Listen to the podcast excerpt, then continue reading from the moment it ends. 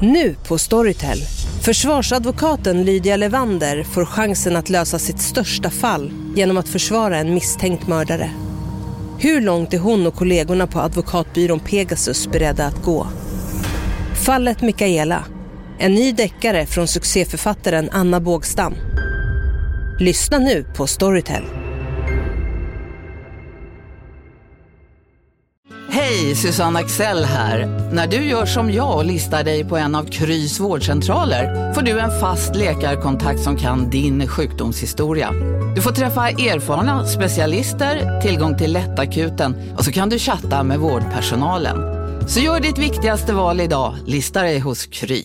Välkommen till Maccafé på utvalda McDonalds restauranger med Baristakaffe till rimligt pris. Vad sägs om en latte eller cappuccino för bara 35 kronor? Alltid gjorda av våra utbildade baristor. Hej allihopa och varmt välkommen till vår podcast Kulturbarnen med mig Ida Thyrén, författare och kulturjournalist. Och mig Pontus de Wolf, eh, låtskrivare och eh, vad kan man kalla mig? Beatmaker, producent. de unga termerna nu för tiden, de liksom springer ja, bort precis. från mig. Ja. Välkomna. Välkomna. Vad pratar vi om i den här podden, Ida? Vi pratar om kultur och att vara kulturarbetare Ja. och att älska kultur. Ja, verkligen. Vi har lite olika infallsvinklar. Du är väldigt bra på böcker och jag på musik, tycker jag själv. Och, Ja, men vi, vi inrymmer ju allt det andra emellan. Du frågade här vilket, vilket avsnitt vi skulle på och det är 104. Jag tänkte om du vill så kan vi köra 103B och bara fortsätta prata om Beatles också. ja. the never ending story. Ja, precis. B-sidan av den här singeln.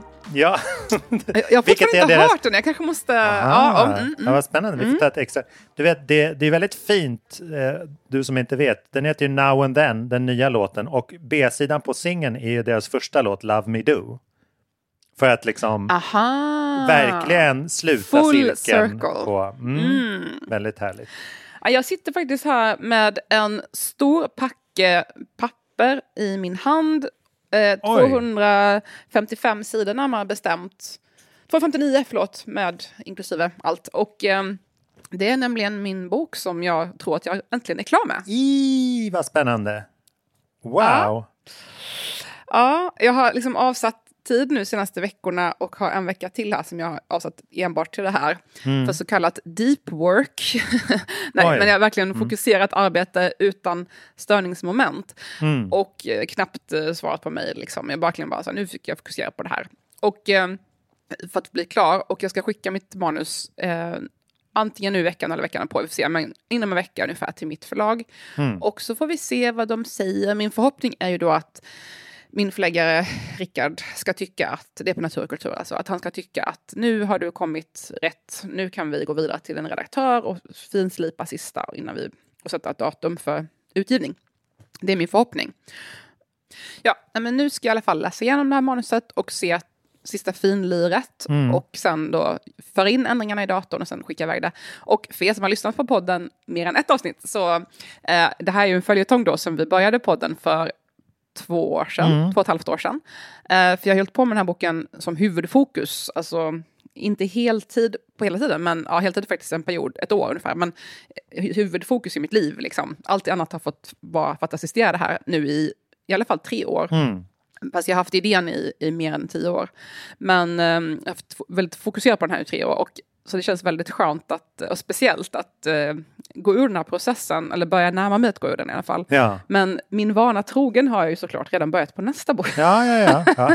Man får liksom ingen paus utan direkt så, okej, nu äntligen kan jag börja med nästa bok som jag har legat och väntat på att få komma igång med. Så att det är lite, så, så här var det med den här också, att jag började med den typ samma dag som jag blev klar med min förra bok. Att omfamna ett vattenfall heter den, den finns. Men samma dag jag blev klar med den så började jag med den här. Så att det, liksom, det bara fortsätter. Så att, ja. Det är ett långt, hårt slit det där att vara författare. Ändå. ja. Det, jag kan ändå... Ganska, Ja. Jag kan ändå glädja dig med, jag har läst ehm, ut den här Stig Dagerman och eh, Stina Björk eh, biografin som jag hade börjat, som Lo Dagerman, deras dotter, har skrivit. Eh, och den handlar mm. mycket i, medan Stig Dagman lever om hans eh, ångest och hans eh, skrivar, vad heter det? Inte strejk. Skrivkramp. Skrivkramp, tack. Eh, han kan ju liksom skriva artiklar och teater och filmmanus. Men det är liksom inte det han räknar som det viktiga utan det är ju böckerna. Nej, liksom. Nej jag känner igen det där. Ja, mm. och sen, men det roliga, eller det som är spännande är att alla de här andra medierna flyger förbi. Teatern blir modern, det blir talfilm, eller färg, ja det är tidigare, men liksom alla de här andra eh, branscherna som han skriver för utvecklas hela tiden men boken är ju ganska permanent liksom ja, i sin form. Mm. Och ser man tillbaks på hans karriär så är det ju bara böckerna som är kända idag. Liksom. Det är en pjäs här och där och liksom några artikelsamlingar men det är ju det är författandet av romaner som ja. är det bestående mediet på något vis. Nej, alltså, jag måste bara flika in lite där, för det här är en konstant tanke jag har haft länge, alltså de 20 åren mm. jag har mm. skrivit dagligen, alltså försökt skriva skönlitteratur dagligen, eh, med ganska lite output då. Jag tänker 20 år har jag släppt en bok och ändå skrivit varje dag. Det är inte så mycket liksom, resultat, men jag har ändå, då har jag ändå skrivit mycket artiklar. Jag har jobbat som frilansjournalist i alla fall ett dussin år nu, liksom. inte, inte lika aktivt längre, men väldigt aktivt tidigare. Mm. Och, men jag har alltid gjort det lite med vänsterhanden och jag är ju högerhänt, för att förtydliga.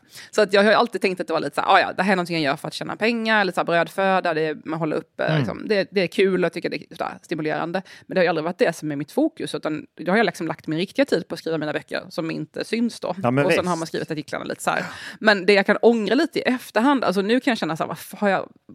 Jag hade ju kunnat liksom hade jag varit lite mer duktig flicka, alltså ska göra de perfekta artiklar, då hade jag kanske varit lite mer ja, framgångsrik eller känd i det. Jag, mm. jag vet inte. Men jag menar bara, då kanske folk hade ändå så här, upps, alltså så här åh Ida, hon skriver bra. Liksom. Um, what, jag vet inte. Mm. Men jag menar bara att jag har ju alltid gjort det lite å, oseriöst typ. Medan mina böcker har jag lagt tid på, men det är ju ingen som läser böckerna. Och de, det är så, alltså jag har ju lagt så mycket tid på någonting som ingen ser. Liksom. Så, men någonstans har, man ju, har jag ju en uppfattning om att det här osynliga arbetet ackumuleras och syns när det väl syns. Mm. Alltså man kan säga, aha, men det här är bra för att jag har gjort 20 års arbete bakom. Men det är inte säkert att det syns. Tänk så är det bara helt i onödan. Tänk så har jag bara lagt 20 år på någonting som ingen ser och ingen bryr sig om. Jag kunde skrivit bra artiklar som i alla fall någon hade brytt sig. Men som du säger, det finns ju hela tiden den här tanken om evigheten. Ja, alltså chansen kommer ju ges för de där böckerna väldigt länge. Ja, exakt! Det är det jag alltid säger. Jag skriver... min liksom lite så här, man måste ju vara lite lätt megaloman för att lägga mycket tid på att skriva mm. böcker. Det, det, ingår ju lite i idén, typ, annars gör man ju ja. inte det. Så att i, min, lite här, i den, här, den delen av min hjärna så är det så här, ah, ja, men jag skriver för evigheten, mm. jag skriver ju för, för framtiden. Liksom. Sen kommer förmodligen ingen bry sig i framtiden, men man måste lite ha den inställningen, typ, som Stig Dagerman. För att, mm. för att, ja. Ja, men han kommer ofta så här, tio, tio sidor skriver han på en timme, typ, och sen är det bara tyst i tre månader. Eller så skriver Oj. han så här, en, jag skrev en bok på en helg, liksom. Att han får så här feber, ah, väl, väldigt polariserad. Ja, exakt. Fast då är han väldigt lycklig, liksom. Det är det som är ah. så synd. Så att jag tror att han, liksom, han skulle säkert varit en liksom, utmärkt bloggare om han hade levt idag eller för tio år sedan. Men då kanske han inte hade samlat sig för de här, alltså då hade han kanske, det har kanske blivit som ett antidepp för honom. Att han, alltså jag kan inget om antidepp, förlåt om jag förolämpar någon, men att han liksom skulle så här, snarare mikrodosera den här febern på en, säg en blogg eller i en, som, han var ju krönikör i och för sig, men, men att, att han liksom hade kunnat bortse från den här mm. pressen att skriva verket med stora versaler. Alltså jag, jag såg nyligen en, en, film om Dorothy Parker och den kända amerikanska författaren som idag är mest känd för sin typ aforismer, alltså korta texter. Och hon mm. var ju väldigt aktiv på 20-talet med något som heter Alloquin Circle. Jag vet, pratade om det här i podden förut? Nej, i alla fall. Och eh, det var en bra film faktiskt från tidigt 90-tal som jag tycker ändå var sevärd eh, om henne och den här gruppen då. Och det här hotellet var ett hotell som hette Alloquin och så var det ett, en, en, ett runt bord de hade på hotellet mm. där de alltid samlades. Um, och under 20-talet, jag är ju insnö, kan ju inte det här efter min förra bok handlade mycket ja. om 20-talet så jag har läst på mycket. Men det var Visst. ju verkligen en café, kafékultur på den tiden, också i Paris då man hade de här kafékulturerna, liksom man träffades på kaféer och alla, alla konstnärer, författare, säkert de här expatsen som befanns ja. i Paris. Mums. De samlades och fikade. Och vi har ju en så romantiserad bild av det här, att det är så romantiskt och fint och så här. Men det intressanta när man läser på lite om det här är ju att de allra flesta av de här intressanta spiritistiska, nu menar jag spiritistiska på det riktiga sätt, ursprungliga, eh, ja. inte andliga, utan liksom härliga, glada, glädjefyllda, intressanta personerna, mm. de, de, kom ju aldrig längre än till den här kafékulturen. Alltså de, de satt där runt det här bordet med Dorothy Parker och den enda som vi vet, som man minns idag, är typ hon, någon till, och så var det så här, ja, Groucho Marx, Marx mm. var med ibland, mm. liksom, men han var inte riktigt. Så att de flesta, alla de typ dog av leverproblem, typ, eller för ja. alkoholister allihopa i princip, eller rökte för mycket. Eh, de gjorde inte så mycket. De var väldigt roliga och härliga det här bordet. Och mm. samma sak i Paris som hade med. Och jag tänker att lite så har vi ju det idag, fast det, idag är det ju typ i, som du säger, bloggar eller Substack, eller framförallt mm. typ Twitter och Instagram. Eh, inte så mycket Facebook längre, men alltså, sociala medier tror jag har sugit upp, har ju blivit vår moderna kafékultur. Man bara får de här connections, man träffar någon och babblar lite på nätet och så lär man känna varandra, som man gjorde mm. förut på ett café i Paris. Liksom. Det... eller, eller om man gick på Södra Latin och gick på Café String kan jag säga. Där, det, det, är några ja, av oss som fortfarande håller på med musik. Intressant! Ja, ja. Det får du berätta mer om. Jag, jag är ju uppväxt i Värnamo, så jag är ju inte kulturbarn, vill jag förtydliga för alla nya lyssnare. Det är ju lite ironiskt, mm. våran titel. Det är ju inte en faktisk beskrivning av så. Ja. Äh, men... Äh, för nytillkomna. men, men jag tycker bara det är intressant att så här, vad händer? För jag tror det är väldigt många begåvade människor som skulle kunna skriva bra böcker som lägger tiden på att skriva roliga tweets. Ja, och precis. Det inte, eller, eller bara pumpar ut halvfärdiga, halvfärdiga tryckta sak, produkter, mm. liksom, böcker eller mm, så här, som inte liksom, är så bra för att mm. man inte jobbat igenom det, man har inte lagt tio år på det. Liksom. Men då är ju frågan, är det ett problem eller är det bra? Ja. Alltså, jag, jag, vet inte vad värderingen i det här, men om man då ska tänka som du säger med Stig Dagerman, att säga, ja men för framtiden, mm. man kommer ju bara ihåg när det, en hit, liksom. man mm. kommer inte ihåg någon som släpper typ tio halvbra låtar, man kommer ihåg någon som släpper en skitbra låt. Och liksom, hur många tweets minns man? Typ? jag ja. vet inte, alltså, jag har ingen aning, jag har inget svar på det här. Alltså. Nej, precis. Alltså, man ska ju tillägga att han tog ju sorgligt nog livet av sig som väldigt ung. Eh, han, den här skrivkrampen och ångesten vann ju över honom. Liksom. Så det, mm. där tog det sig ju ja. väldigt eh, drastiska konsekvenser, eller vad man ska säga. Men eh, ja, det, det man får lite mörker i blicken det är ju om, om man le, tror sig leva i en tid som bara innehåller det här snabba, liksom.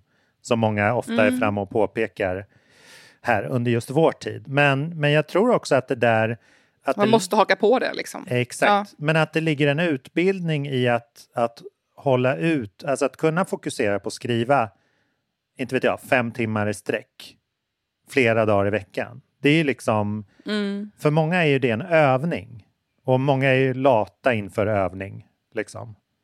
Det är inte mm. där, man ska ju A vara bra på att skriva och sen ha en uthållighet som inte får en distraherad av massa andra saker. Ja, det är lite så här sittfläsk-jobb liksom exakt. på något sätt. Ja. Och det, det tror jag att man kan, alltså att man får inte lida av FOMO och snabba kickar. Nej. Som till exempel Nej. författare eller kompositör eller liksom, alltså om man ska lyckas eller vara långsiktig i det. Man måste ju verkligen... Det är ju väldigt, man får ju väldigt lite bekräftelse per bok om man säger så. Alltså, mm. Man får ju kanske bara så, ah, nu släpps boken och då är det ja. fem års arbete som ska ut. Man får ju inte det här dagliga som man får på en retweet på en tweet eller vad det kan vara. Liksom, man får ju inte den här bekräftelsen på samma sätt. Nej, och det är ju en annan ego-boost med den här podden för nytillkomna. Att vi är trötta på ja, att all, all, inga vill ringa och intervjua oss. Liksom. det är därför vi har den här podden, för att orka fortsätta. Ja, jag tyckte det var så jobbigt och bara så jag har massa saker att säga säga. Och så släpper man ett album vart tredje år och det är bara då folk frågar någonting. Om ja. Det, alltså, det, det tycker jag är väldigt positivt mm. med det här liksom, att alla medier är öppna för en. Apropå det så jo. tänkte jag, jag tänkte skicka över en låt till dig som jag börjat jobba med i veckan. Är det okej? Okay? Nej, vad kul! Ja, vad kul. Jättegärna. Jag sms den till dig så kan väl du kolla in de första 30 sekunderna.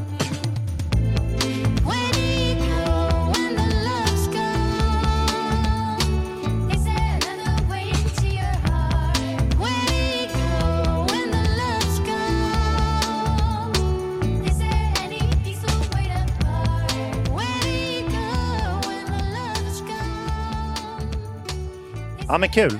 Den, Ja, eh, shit, den vad är spännande. Låter bra. Ja, trevligt. Ehm, det roliga med den här, så jag tänkte prata lite om eh, eh, den här tjejrösten som, Ja, som är tänk- med i den. jag tänkte att det lät så... Jag tänkte kanske det var Lune. Nej, det är inte Lune. Nej, det är inte Lune, Linnea, men ja. det är en inre artist. Ja, och sen Som- tänkte, först tänkte jag att det var hon, sen tänkte jag att det var...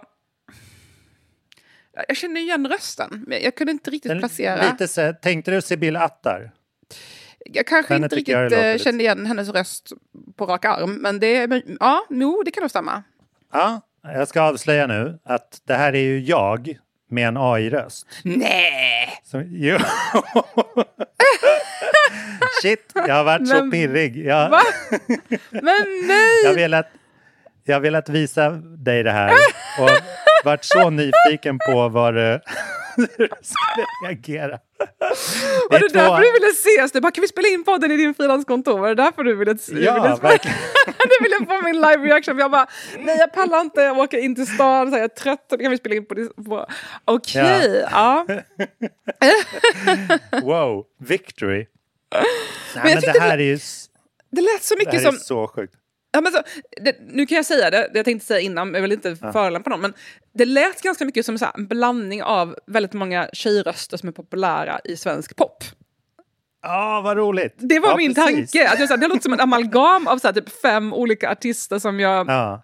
Alltså det, som det, det finns en särskild sorts tjejröst som är ganska populär i svensk pop, som är lite så här ljus liksom. Um, jag, Eller hoppas att hur? jag, jag hoppas att komma ut på rätt sätt, men jag, jag är inte menat som någonting värderande, det är bara att konstatera att det, är väldigt Mm. populärt med den här lite så här tjejrösten, typ. Det är ganska populärt i Mm. svensk pop. Ja. Nej, men det här har varit så spännande. Det har varit, verkligen varit the talk i studion den här veckan. Men. Det är en, det är en tjänst som, som eh, baseras på ChatGPT. Alltså det är liksom koden bakom eller vad man ska säga. Och sen Ja. så heter det mu, musically.lol. Det tycker jag är en rolig webbadress. Ehm, som man liksom, jag abonnerar på den och, eh, och sen så skickar jag in en sång, ett sångspår. Alltså jag sjunger in Ja. och sen skickar jag in och sen kan jag välja en röst av flera som liksom har, Men, som den har oj. pluggat in. Så det är ett antal sångare och sångerskor som har liksom eh, sålt sina röster till den här tjänsten. Jaha, så det är liksom licensierat, det är inte bara att de har rippat, utan det är okej att typ. Ja, ja, precis. Nej, Mm. det är inte för att efterlikna en speciell artist. Nej. eller så.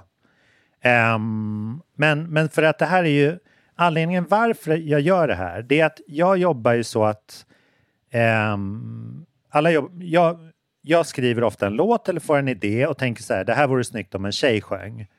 Och så sjunger Ja. jag det med liksom min röst eller pitchar det så att det låter kalanka liksom, men hamnar på rätt ton.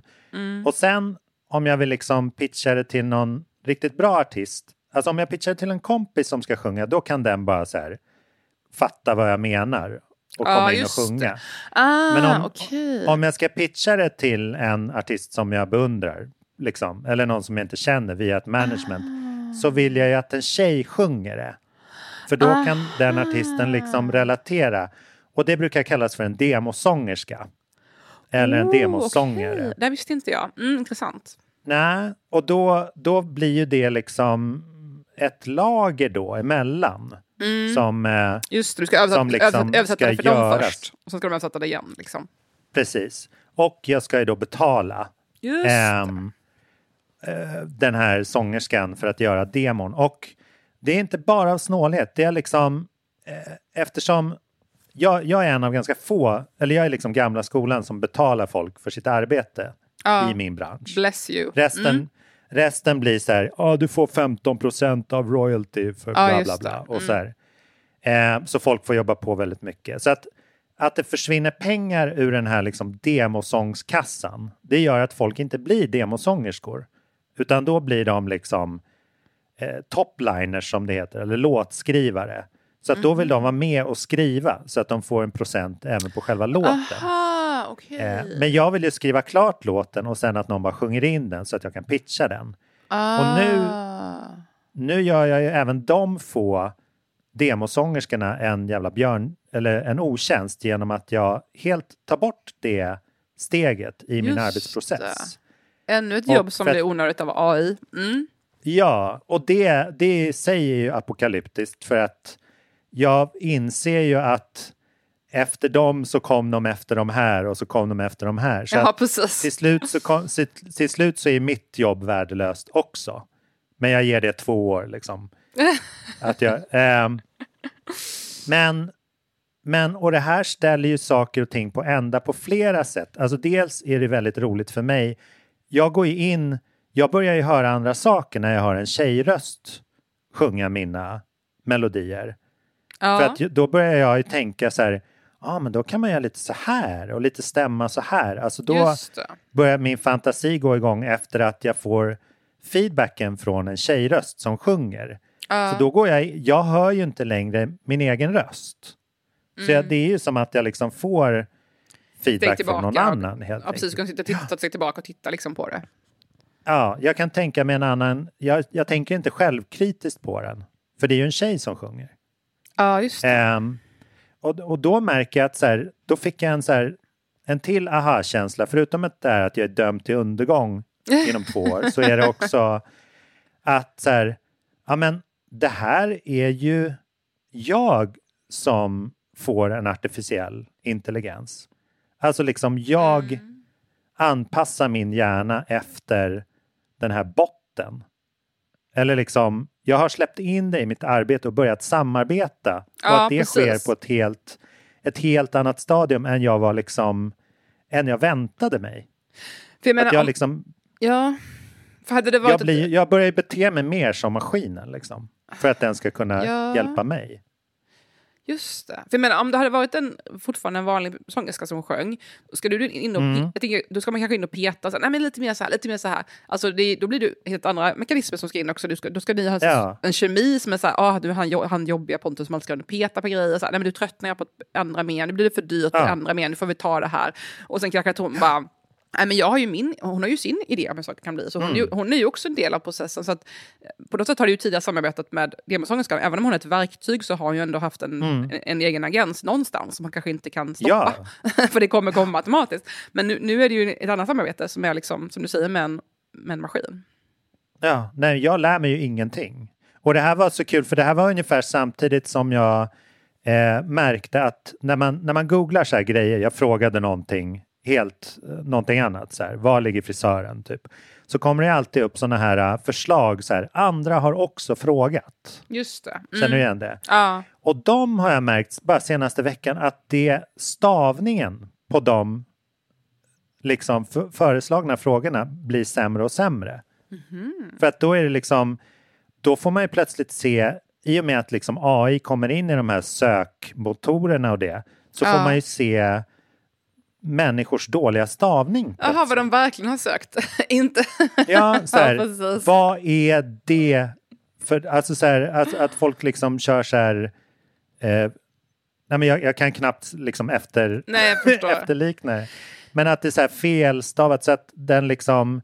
Det är en, det är en grej med ChatGPT som är kritisk nu, att den håller på att försämras för att den måste ju ta in alla puckade människors Ja, beteenden. precis. Jag tänkte för att, för jag menar, för, precis, för att när man pratar om maskinen, det, det, det, det är här abstrakt idé om att det är, så här, ah, det är maskinen som sitter där ute. Det är ju inte en maskin, Mm. det är ju all samlad alltså ackumulerad kunskap Mm. som samlas, alla, alla andra låtar som har samlats ihop och den har blabbat ihop det liksom Mm. och skapat något nytt. Ja. Det, är ju, det kommer ju från en människa från början, det är ju inte skapat av en maskin. Det är ju bara en, samlat av en maskin.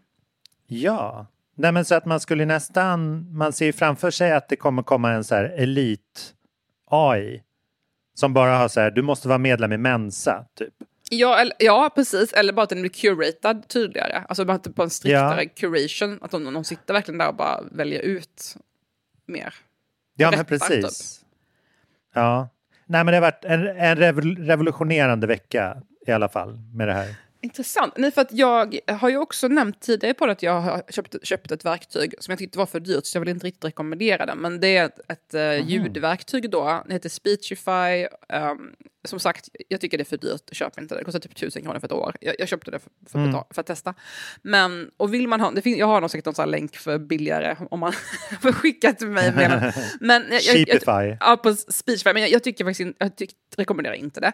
Men man kan ta, testa, om man vill testa några dagar gratis så finns det sån här trial. Men den använder ju också eh, någon slags AI då, eller ChatGPT eller någonting. Men den har också färdiga röster. De har, liksom, då, kan man, då har de premiumröster som är betalade. Då är det Ja, det är, är det här att man skriver in text? Ja, förlåt, jag glömde förklara. Det, den? det är alltså, den, den läser antingen upp text, man kan ladda upp ett, en pdf eller ett dokument, så läser den upp det. Eller, ehm, och, och då använder den antingen eh, olika röster som de har, förmodligen skådespelare har läst in eller på något sätt skapat. Och så, det finns också kändisröster, typ så. Snoop Dogg finns till exempel, eller han Mr. Big, han? Mr. Beast, och sen några andra kända människor. Och Gwyneth Paltrow finns också. Ehm, så då läser Mr Big, den gamla smörsångaren från Ja, 90-talet. precis. nej, Mr. Beast! Um, nej, så då läser de upp det här dokumentet. Um, det, anledningen till att jag skaffade det var två anledningar. Det ena var att jag ville kunna lyssna på dokument till min skola. Jag, jag pluggar ju också kurser nu för min master i historia. Eh, inte helt Just just, nu, ja. men jag läser ju kurser liksom. Så jag tänkte det var intressant att lyssna på eh, pdf medan jag är ute och promenerar för att jag skulle få lite motion också eh, och inte bara sitta hemma hela tiden. Eh, så det var en anledning. Och den andra, man kan också välja så här ökad hastighet om man vill, typ så, om man vill läsa lyssna lite snabbare. Um, och så vill jag också lyssna på min egen bok, eh, som en ljudbok, och få lyssna på den. Så det har jag gjort. Men problemet är att den, svensk, den, eng, den engelsktalande rösterna är ju överlägsna. De, de är ju mycket mer genomarbetade. Det finns, typ, det finns typ tre eh, röster på svenska och jag tycker inte om någon av dem. Jag tycker de är skitjobbiga allihopa. No offense, Maja, men alltså jag, jag gillar inte dem så mycket. Och de funkar inte riktigt för min bok om man säger så. Det passar inte riktigt. Men ändå har det varit väldigt intressant att lyssna på. För att precis som du berättar, jag, jag relaterar mycket till det du säger. För att då kan jag liksom låta den läsa upp ett kapitel och då kan jag höra så här, dialogen och så. Den är ju lite dålig i rätt, det blir ju fel betoning som jag sagt tidigare på att det blir lite, lite rätt med det här. Men ändå att få lite distans till, för då hör jag plötsligt utifrån. Jag, jag lyssnar ju på den här nu plötsligt Ja. det är en helt annan upplevelse att lyssna på en text än att sitta och läsa den eller skriva den. Så jag känner igen mig lite, jag tror vi båda två har fått oväntat samarbete med AI som man kanske inte hade tänkt sig. Mm. Ja, det här kom plötsligt alltså. Det är väl, verkligen omkullkastande. För mig öppnar det här väldigt mycket möjligheter. Ah, Liksom. shit. Både, i, både i hur snabbt jag kan jobba och va, hur snabbt jag kan liksom förverkliga visioner, eller vad man ska säga. Och så här, testa grejer också. Jag fick behöver jag inte- bli klar och sen anlita en demosång och ska boka in tid. Nu kan du bara säga varje dag. Ja, Ah, shit. och så, och så bara så här, nej men tyvärr Pontus, den här är, tonarten är alldeles för hög. Och så måste jag liksom göra om hela prodden. All, alla sådana där liksom, såna risker försvinner ju lite. Jag brukar vara ganska bra, men jag brukar också missa ibland.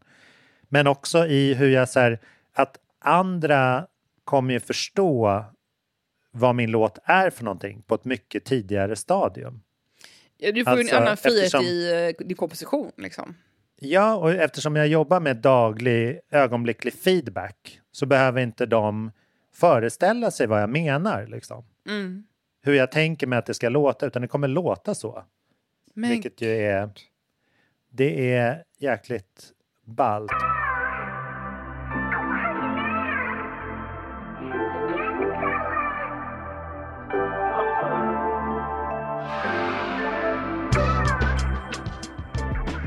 Men det är också roligt det här du säger om att det låter som en här medelsvensk artist. För ja, att jag håller verkligen med om att Ja. så här, det påminner om det. För att vi, vi filosoferar kring det här, för det, jag tror att det kommer välta branschen på ett annat sätt också. Genom att eh, nu kommer ju, alltså de senaste 5-10 åren så har man ju fixat och trixat och autotunat och gjort eh, framförallt kvinnlig sång väldigt, väldigt perfektionistisk. Alltså helt strömlinjeformad.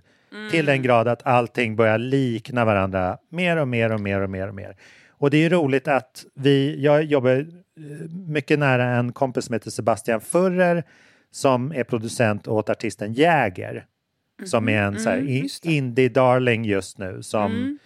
får priser och P3 och håller på att lanseras i USA och sådär. Mm. Eh, hon, hon, ska, hon gör en, en genre som hon kallar för emotionell rave-pop. Okay. Eh, mm. och har väldigt stort liksom, PR-genomslag i den termen. Och det hon egentligen har är bara så här, hon har ett eget sound. Mm. Alltså ungefär som, som Robin har till exempel. Mm. Så här, Robin har ett eget sound.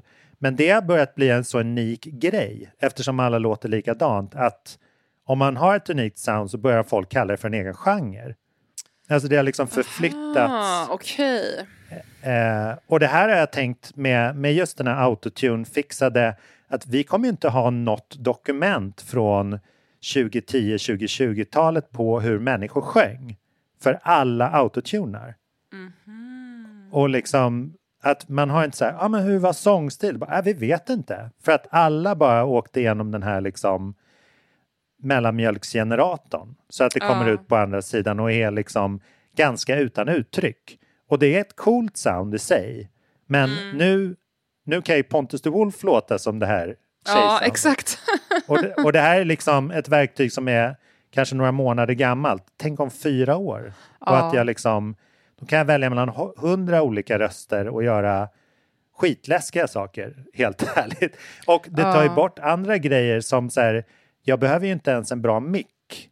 För att den för ju bara över det jag säger och sjunger liksom Aha. tonalt då. Och sen så, så är det perfekt inspelat på den andra sidan. Så att det är liksom, jag kan ju sjunga in i mobilen skramligt ah. och så får jag ah. tillbaks en helt ren Oj. röst.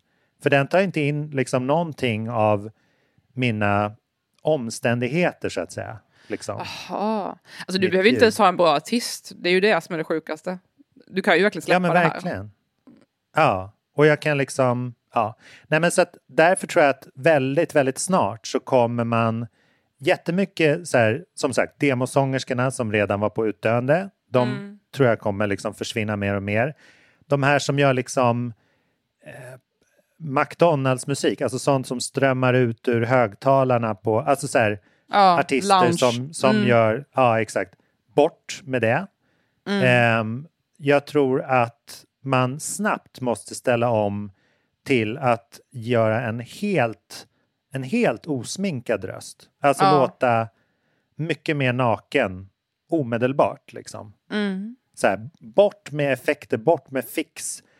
Man måste vara tydlig, så som alla säger att så här, med, med nya AI-tekniken så måste man vara tydlig med vad som är mänskligt. För det finns ju inte liksom, Nej, alltså... det, fin det, finns ju inga så imperfekta voice-grejer, utan de är bara perfekta. Liksom. Jag har, ju, har vi pratat om länge i podden och jag tror fortfarande på den spaningen, även om inte den riktigt har uppfyllts ännu så tror jag att det är bara en tidsfråga innan det kommer uppstå ett extremt stort längtan och behov efter lite mer genuina, råa, smutsiga, mm. liksom riktiga upplevelser, människor och så vidare. Alltså det där är ju bara en tidsfråga innan det blir tydligare, tror jag. Ja. Att man märker motreaktion. För jag menar, verkligen. nu har jag varit borta från Instagram i ett och, ett och ett halvt år. Alltså helt borta, mm. stängt av ett konto jag tror, inte att jag, jag tror inte att jag har missat någonting. För att allting är bara Nej. upprepning, upprepning, upprepning. Jag, jag hör ju aldrig någon som säger någonting intressant. Alltså jag någon som bara, åh, missade den här grejen. Jag missade mm. ingenting. Och jag tror det är för att det, det var ju spännande i början med Instagram, till exempel. Det var ju så här, massa spännande nya saker som hände och diskussioner och sådär. Men nu är ju allting bara upprepning. Och som du säger, musiken, det var mm. ett kul sound i början, nu är det liksom bara upprepning. Jag tror att det är en tidsfråga innan folk känner att nu vill jag ha något nytt som är verkligt och genuint mm. och lite smutsigt på något sätt. Så ja. det där, mm, det är nog bara en tidsfråga. Ja, men det, jag tror att det redan är över oss. Bara att vi kommer ja. i efterhand fatta vad det är. Som i Just torsdags, mm. av, en, av en händelse då, så ja. var jag på eh, artisten Romy på uh, Kägelbanan. Ja, just det, som du har pratat om eh, tidigare i podden. Ja, precis. Jag har det ju tufft nu. På en vecka och på ett poddavsnitt ska jag inrymma både Little Sims konsert i Glasgow som jag var på förra veckan och Romy nu i förrgår. Två av de Oj. absolut bästa konserter jag sett i hela mitt liv. Men gud, jag måste vara tyst nu så du hinner berätta allting. jag måste börja lägga i så här Fredrik Wikingsson-växel och börja prata jätte, jättefort. Så alltså 1,5 procent words per minute. Ja. Uh, men hon, hon alltså, för, för de som inte jag har ju talat varmt om henne tidigare. Hon släppte en, en skiva nu i somras tror jag som heter Mid Air som har fått liksom fantastiskt gensvar. Den har, och hon sjöng ju tidigare i The XX. Har väldigt så här, mörk, eh, liksom eh, unik eh, ID-röst och så här. Och sjunger på liksom gammal, gammal rave och 90-tals doftande beats och melodier och så här. Och eh, alltså otroligt fin skiva, jättebra artist. Hon sjöng liksom eh, helt utan effekt på sången. Det var liksom Ah, nästan, okej. det var liksom en mjuk version av punk typ. Alltså pyttelite reverb så här så att som man, men, men det lät bara så här, så här replokals mick. Alltså Mm. mina, jag gick dit med, med fem av mina yngre producenter. De var helt golvade av den här kaxigheten liksom. Att, att det var så avskalat liksom. Ah, okej. Eh, men det, där var, alltså där märkte man, alltså vi, den får ju liksom femmor. Jag säger inte att den var, inte var värd det, men den, den fyller ju verkligen, hon, bland flera fyller upp ett space där det har liksom saknats Mm. grejer. Alltså genuinitet, eh, direkthet, liksom publikkontakt, eh, lätt, lätthet, alltså rörlighet på något vis. Mm. Det, det var samma sak som så här, igår släppte ju Drake, såg du det? Han släppte ett album för två veckor sedan, tre veckor sedan. Mm. Ja, det har missat. I, Mm. Igår släppte han, ja men det var ju- en av mina kompisar hade ju med en låt på den. Jo, Rich just det, Baby det berättade Daddy som jag berättade. Mm. Eh, igår fredag släppte han sex låtar till som, som han skrev inom de fem senaste dagarna. Men alltså han what? började skriva låtarna i måndags. Och på fredagen så släpper Alltså den, jag, jag tycker det är fantastiskt. Att det är liksom bara, ja men här är jag just nu, ut med det liksom. Ja. Att det är noll bearbetning och det, det är typ bättre låtar än på albumet. Vilket ju är, liksom signalerar någonting. Har det med bättre, sa du det? Ja, alltså det är Oj. mycket, mycket, mycket alltså okej, det är inte så stor skillnad på kvaliteten om man säger så. Nej, okej. Bara, shit. bara är min spontan, alltså jag är mycket mer intresserad av att höra det här som han skrev i måndag tisdags än det han har bearbetat och filtrerat i några år. Liksom. Hmm. Eh, Fast, fast jag måste jag bara lägga in en liten tanke här. Um, Mm. Apropå då att jag befinner mina processer med min bok. För att nu kan jag Ja. ju verkligen känna så här, om jag sätter mig ner och skriver till, jag bara, "Ah, men här behövs det lite mer utfyllnad. Då kan jag sätta mig och skriva en sida. Vips liksom. I samma ton, Mm. samma stil som resten av boken och det går jättesnabbt. Och det låter lika bra som allt det andra i boken. För att jag har gjort så mycket jobb ja. Så nu har jag hittat den här, det tog ju mig liksom flera år att hitta rätt röst till boken. Alltså nu menar jag både vilket Mm. berättarperspektiv och liksom vilken ton och vilket, så här, vilket läge mellan experimentellt och konventionellt och så här. Alltså att hitta den tonen eh, tog Mm. mig tre år liksom. Och nu när jag har den, nu kan jag sätta mig och skriva i rätt röst för boken. Alltså det passar in i, i boken. Och så tänker jag att det Mm. kan vara lite med det här Drake också. Han har ju jobbat med den skivan i flera år, så nu har han den rösten i huvudet, alltså det, det soundet. Ifall, ifall det nu är Mm. samma sound som de låtarna, ifall han inte har bytt helt, då, då är han ju inne i, körd i det liksom. Så att du kan ju, du kan ju bara Ja. ta en dag och skriva en låt för att man har jobbat med det i tre år. Så det blir som en förlängning av det arbetet, om du fattar vad jag menar. Ja, men du kan väl passa på. Alltså om du släpper din bok, säg att din bok släpps 20 mars. Ja. Eh, liksom, 21 till 27 så åker du till en ö och skriver en till bok. Liksom, på sju Ja, dagar alltså. och släpper den som den är. Det kanske blir ditt mästerverk. Alltså, men det är lite det jag inte. menar med det här att jag börjar skriva på nästa bok redan. Och den, det, är liksom, de, Ja. det finns en koppling mellan de här två, det är inte en helt fristående. Det, alltså, så det, det, det är lite så jag tänker, att nu, nu går det väldigt lätt att skriva nästa för nu har jag redan soundet i, hus, i huvudet. Mm. Ja, men exakt. Ja, det är bara att sjunga vidare liksom. Ja, Det är väldigt spännande. Men det var ju också spännande tycker jag, apropå att det var mycket, eh, alltså det var en väldigt så här, exklusiv spelning. Det, det roliga var att det, Kägelbanan, om, jag vet inte om du har varit där, det är en det är våningen ner från Södra Teatern. ja gud ja. Men det var ju stängt Liksom, i några år där. Men jag har varit där innan den stängde. Ja. Alltså de var tvungna att stänga för att det var grannar som klagade. Och Det var du, det, förstår jag. det har man ju hört om i Stockholm. Kul.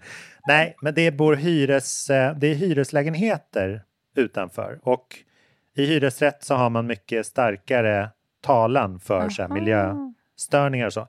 Plus att de hade knappt någon ljudisolering. Så nu har de Mhm. åtgärdat det och satt upp mycket bättre glas.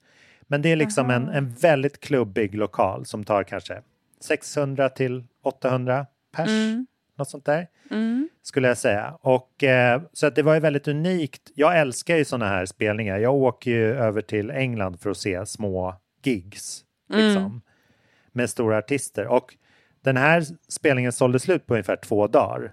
Så de var väldigt nervösa att de skulle dra sig ur. Jag pratade med de som, de som styr på Södra Teatern. De var nervösa över att hon skulle dra till en större lokal. Liksom för att sälja fler biljetter. Säg Annexet eller någonting som hade varit liksom mer i proportion med hennes popularitet. Mm. Ehm, och då, då hade jag liksom, jag hade inte gått då kan jag säga. Nej, För då brukar det vara, det är fel stämning. det var ett Ja, det var ett fenomen i förra veckan. Då lanserade de en, eh, det här är vänner till mig, så att det, men jag måste komma med kritik, eh, en hyllningskonsert till Peter Lemark. Oj. Ehm, Mm. Han ska ju inte själv vara med, men han har ju skrivit låtar åt massa människor. Lisa Nilsson och duktiga människor. Så att hon och Mauro Scocco och Thomas Andersson, vi tror jag är en av de större initiativtagarna, eh, släppte biljetter till en hyllningskonsert på Cirkus där alla de ska uppträda med hans Oj. låtar. Och det sålde slut på två minuter. Ah, Det går in så här men k- 1600 pers där. Det fanns uppenbarligen ett sug efter detta. Eh, och då en vecka efter det så kommer det upp då att de flyttar konserten till Tele2 Arena. Mhm. Och alltså, jag, jag planerade inte gå på den här konserten, men jag fick, fick ju en... Jag, jag fylldes ju med en, alltså ett mörker. Alltså jag brann inombords. Oj. För att jag tänkte att om jag hade varit ett Peter Lemark-fan som fått Mm. liksom front row placering på Cirkus, då hade det potentiellt kunnat bli liksom så här, kvällen i mitt liv. Mm. Men de förflyttar den till själlösa, atmosfärlösa Tele2 Ah. Arena. Och nu, kommersiellt gör de ju rätt, för nu har även den sålt ut. Liksom. Aha, Intresse oj. finns, men, eh, men det, det, det stjäl ju någonting. Om du förstår vad jag menar. Då kanske man hellre gör så därför- fem stycken småspelningar istället för en megastor typ. Ja, eller en Cirkus och en Tele2. Why not? Aha, alltså det fanns ju mm. uppenbart liksom köp, tycker jag då. Varför Mm. inte låta den exklusiva förbli det den var? Och så, Mm. ja, ja.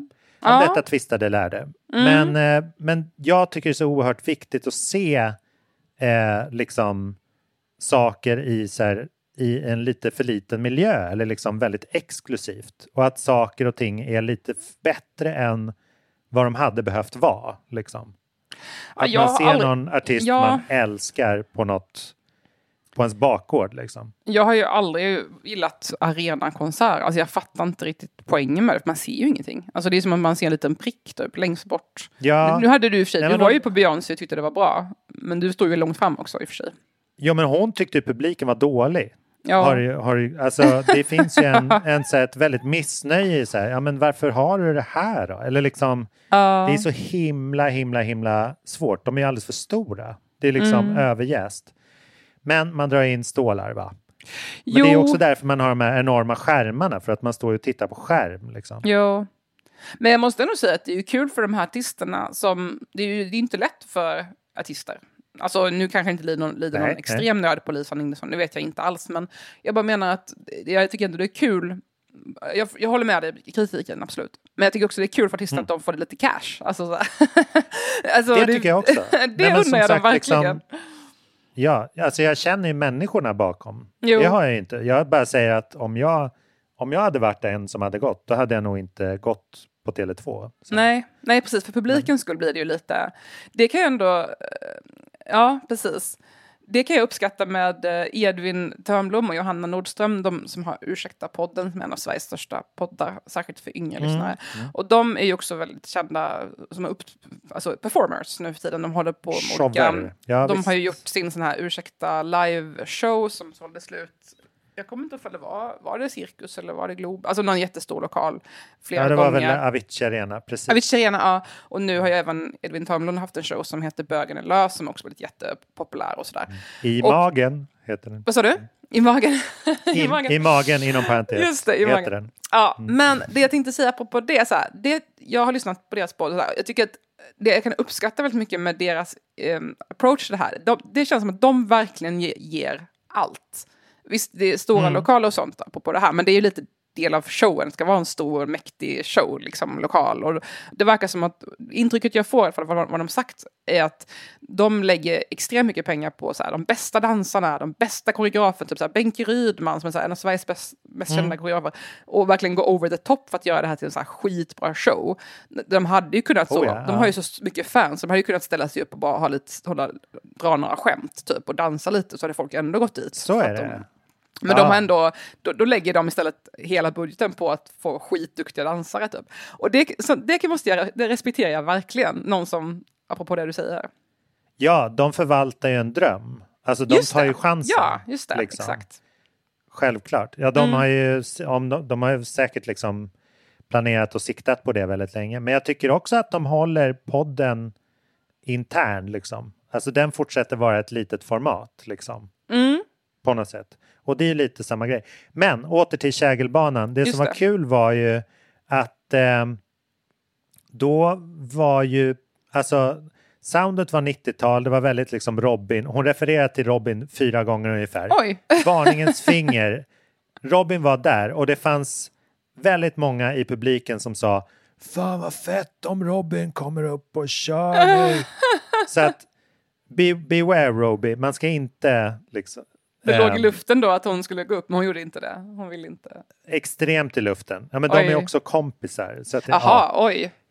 ja, eh, beside the point. Men, men, ehm, men, men det som hör till var att det var extremt oväntat hög medelålder på konserten. Jaha. Alltså den var kanske på så här 35. Oj, och hon För är ändå att- yngre, Romy. Eller hon är väl ändå... Ja, jag kollar snabbt. Nu ska vi se. Men också lite missed opportunity, tänker jag, opportunity av Robin, tänker jag. Att hon kunde ju verkligen bara gått upp i ett surprise performance. Fast det kanske är jobbigt. Jag, jag vet ju inte hur det är att uppträda sådär. Det kanske är mycket ansträngning att gå upp och bara lägga lite. Ja, hon är född 89, så hon är 34. Så medelåldern var väl exakt på hennes ålder då. Ja, Eh, okej. Mm. Men, men det gjorde ju att det liksom, jag gick ju med folk, dels mina yngre eh, producenter men också ett gäng som, som jag hängde med innan som kom från liksom rave och 90-talskulturen. Så att Ah. de känner sig väldigt hemma i den här miljön och det och att liksom DJsarna som förvärmde de spelar typ så här Underworld, Born Slippy ehm, Det här vet inte jag vad det är. Nu missade du mig. Tappade du mig. det, är, det är slu, slutlåten i Trainspotting. Den här Jaha, den 90-talsfilmen. Ja, kultlåt liksom. Eh, de spelar på Rhythm of the Night. Men This till skillnad från när jag Ja, mm, okej, det, det vet jag. men, ja, men till skillnad från att jag spelar den liksom lite nostalgiskt på ett bröllop eller en 40-talsfest så är det här liksom bara rent så här, ja men det här är ikonisk musik. Ja. De kan liksom spela Barbie Girl och det är bara, ja men det är kultur. Det här är den bästa musiken vi vet. Mm. Så det har liksom gått ett totalt varv med så här, det här är liksom vi som älskade 90-talet eller the 90s fast, fast det är hippt. Och jag måste Det säga är en liksom sak. credit. Ja, Apropå det. det här, jag läste precis en text, jag tror det var i Vice, som handlade om att Creed, det här 90-talets bandet, så här new metal, eller vad man ska kalla det, um, väldigt Mm. töntigt band då, tyckte man ju, väldigt populärt men väldigt töntigt, um, har nu fått en slags revival, att folk börjar lyssna på dem. Så- Alltså folk som är lite mer medvetna, liksom, ska, som tycker att det Creed har gått från de- töntigaste banden till att vara ganska coolt. Och det Ja. tror jag, det kan ha mycket att göra med att så här, det är en så här, minnet av en så här enklare tid.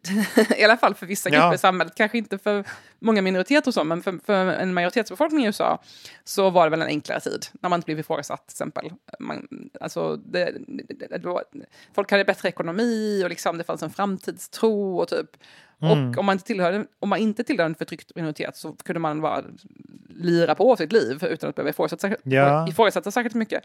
Utan det var en enklare tid för vissa då, inte för andra. Men jag tror det kan vara mycket sånt som får en att längta efter den där 90-talskänslan.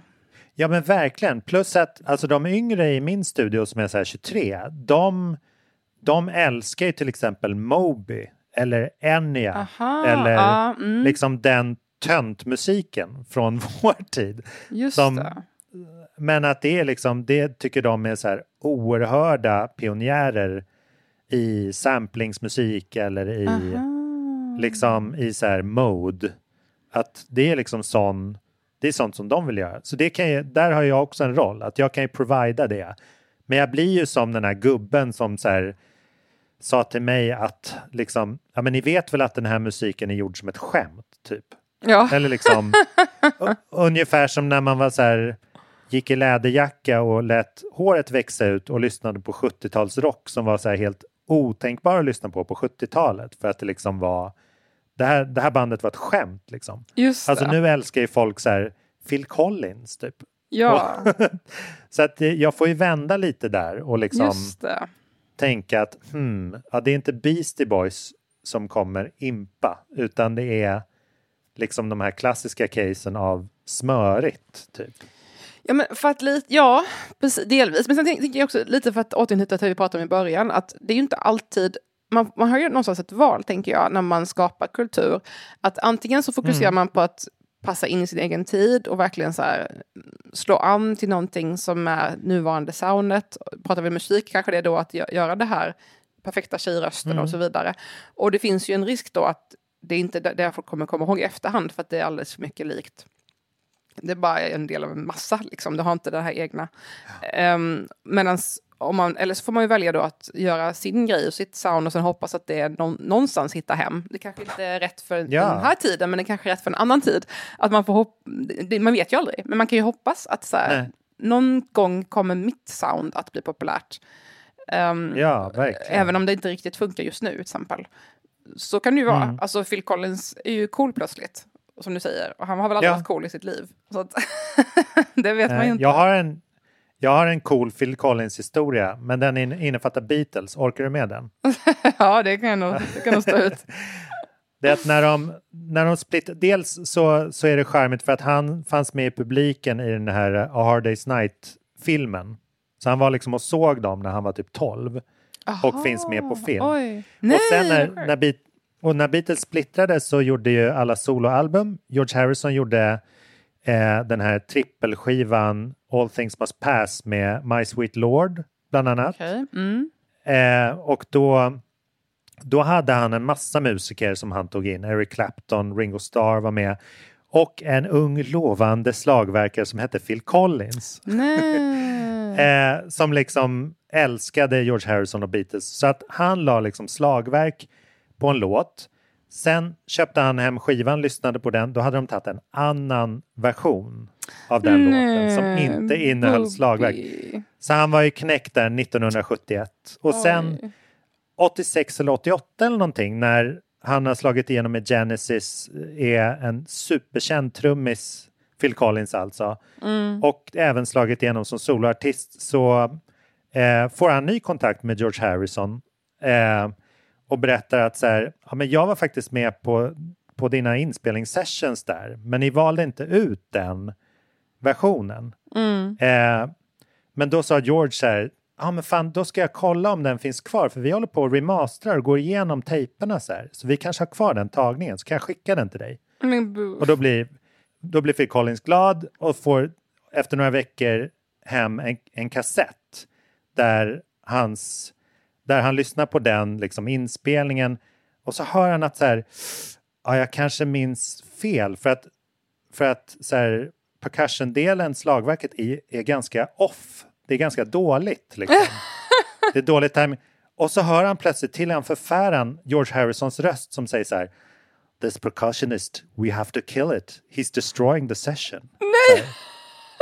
Från 1971 då.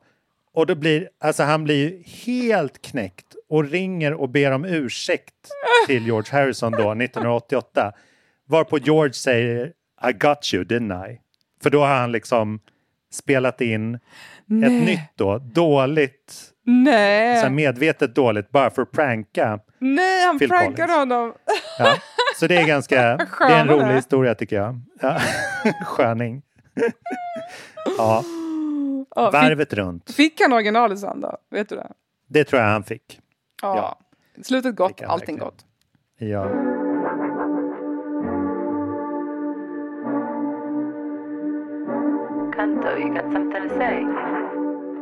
Ja, nej men det var, jag ville egentligen prata om Little Sims också, men den här var liksom mer kulturell relevant. Fast Little Sims var då, alltså hon är bästa rapparen i världen. Det är liksom allt jag kan säga om den människan. Det var en så jävla fantastisk konsert. Och Glasgow-publiken var ju något i särklass och, och se musik tillsammans med.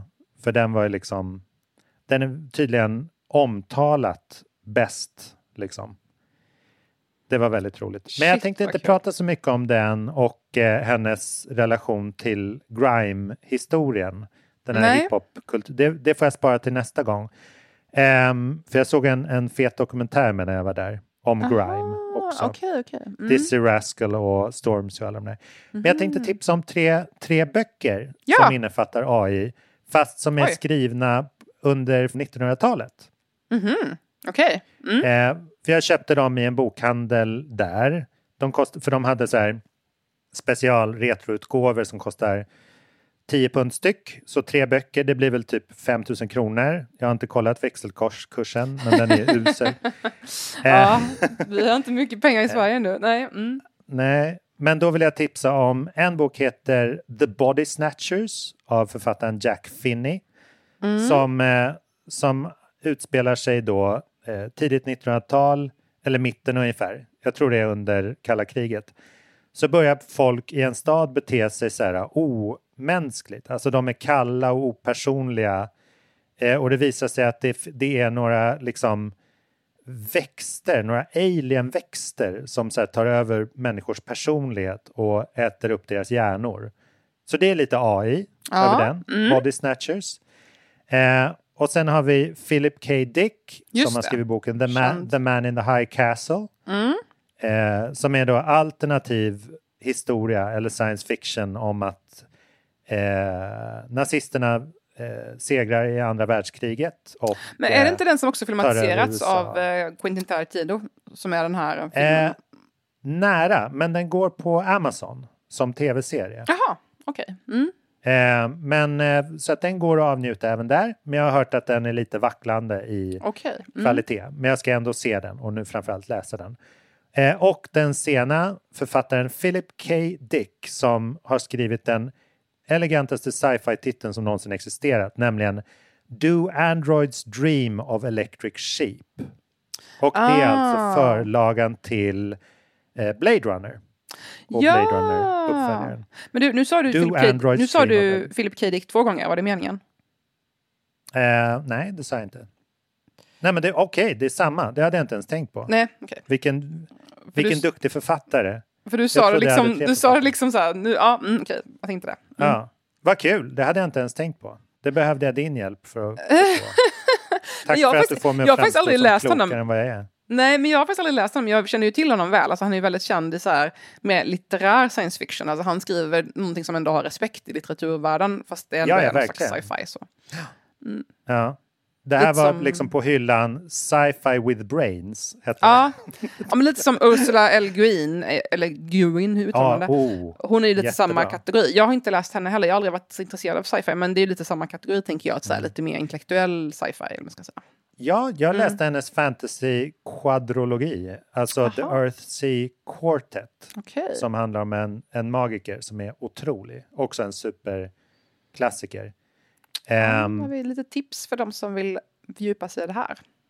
Ja, och där har man ju, alltså med Blade Runner har man ju en länk till Robin också för att hon eh, avslutningsmonologen där som Rutger Hauer som spelar AI-roboten, han han har ju sin slutmonolog i regnet där och, så, och säger någonting i stil med parafras uh, It's good that tears never show in the pouring rain. Som ju är Aha. inledningen på Robins låt Be Mine. Uh, som Oj. du känner till. It's a good thing tears never show in the pouring rain. Mm, det tror jag hon fick därifrån, spaning.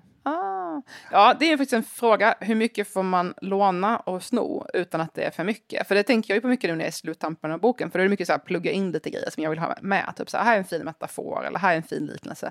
Som, som man kanske har tagit eller inspirerat från någon annan, läser någon dikt någonstans. Mm. Och så kanske man tar eh, några, några ord ur den meningen eller så här och, jag skäms ju inte för det. Alltså jag skulle, skulle, någon, skulle man bara, ja, gud vad kul, det här är citerat av den här personen. Men Mm. Ofta är det inte ett direkt citat, ofta är det bara att man kanske tar två ord, eh, eller så, något ord. Men det här var en fin eh, liknelse, eller det här var en fin eh, kombination av två ord. Um, och då, då blir det så här, hur, hur mycket, är det fel? eller det, jag tycker det är som en hyllning. Alltså att ja, man vill, ja. Men det är, väl, det är lite som med musik, tänker jag. Hur mycket får man, det har vi pratat om förut, hur mycket får man? Ja, men, jag mm. tycker, så här, sol, jag har en solklar åsikt där, att om man tar från an, ett annat medium så är det hommage och då blir det liksom något nytt och spännande. Mm. Så att jag tycker bara, om du snor från en låt till exempel så tycker jag du bara ska köra. Vilket för mig in på nästa tanke, för att avslutningsvis så vill jag bara säga att något som är extremt viktigt i fallet Romy och hennes musik, det är att texterna är fantastiska. Alltså att de är mm. Små betraktelser, små historier, eh, väldigt personliga. Alltså hon skriver bara utifrån sina egna tankar.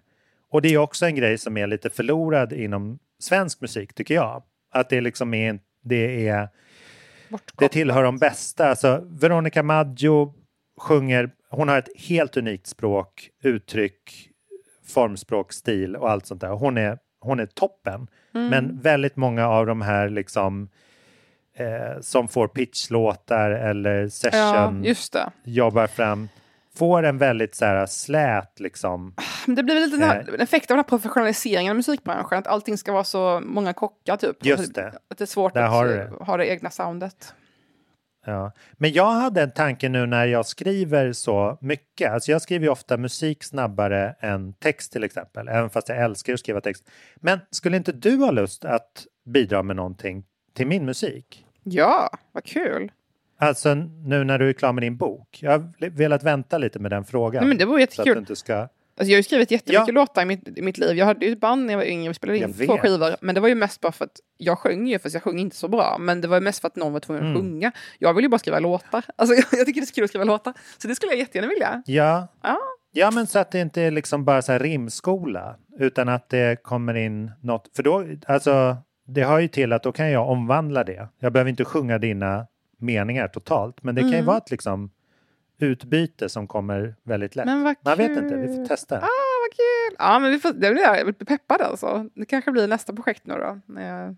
Ja, roligt. Ja, Skicka to över be continued. Vi får spela upp sen i podden. Men ska vi gå ut nu på ja. en Romy-låt? Nu vill man ju höra lite när du pratat så mycket om det. Ah, det gör vi. Alltså, vi kan ju, hon har ju pratat sig varm här under uh, PR-veckorna om en låt som heter Enjoy your life. Mm. Så, som heter, eh, som hon faktiskt, det är, det är det hon har berättat om uh, i P3 uh, bland annat, att hon när hon var med Robin i Sverige senast hon var i Sverige så gick de på en konsert av en, jag tror det var en brasiliansk eller spansk artist. Mm -hmm. där första, där en textrad är liksom When I was young my mother said to me enjoy your life eller något sånt där. Och så, och så är hon bara så här So I also wrote a song that's called Enjoy your life. och så bara tar den, rycker den textraden rakt av. Så man behöver ju inte byta ett medium helt, man kan ju också bara byta genre lite så här. Mm. Att det är så här, ja det är ingen av mina fans skulle, skulle liksom hitta eller ens uppskatta den här musiken, men nu när jag tar in den så blir det liksom en grej. Ja, det är sant. Så vi, vi kör väl den grejen. Enjoy ah, your life med Romy. Enjoy your life. Okej, och vi hörs eh, om någon vecka eller så. Och tills dess vill man ja. supporta oss får man jättegärna göra en liten recension eller en liten stjärna eh, om podden. Verkligen. Eller skicka ett meddelande eller typ läs min bok, lyssna på Pontus musik, sånt som gör oss glada. Om man vill förgylla sitt eget liv så kan man lyssna ja. på min musik och läsa din bok och texter. Varsågoda. Och vi ses snart. Fett. Hej då! Hej då! Hej då!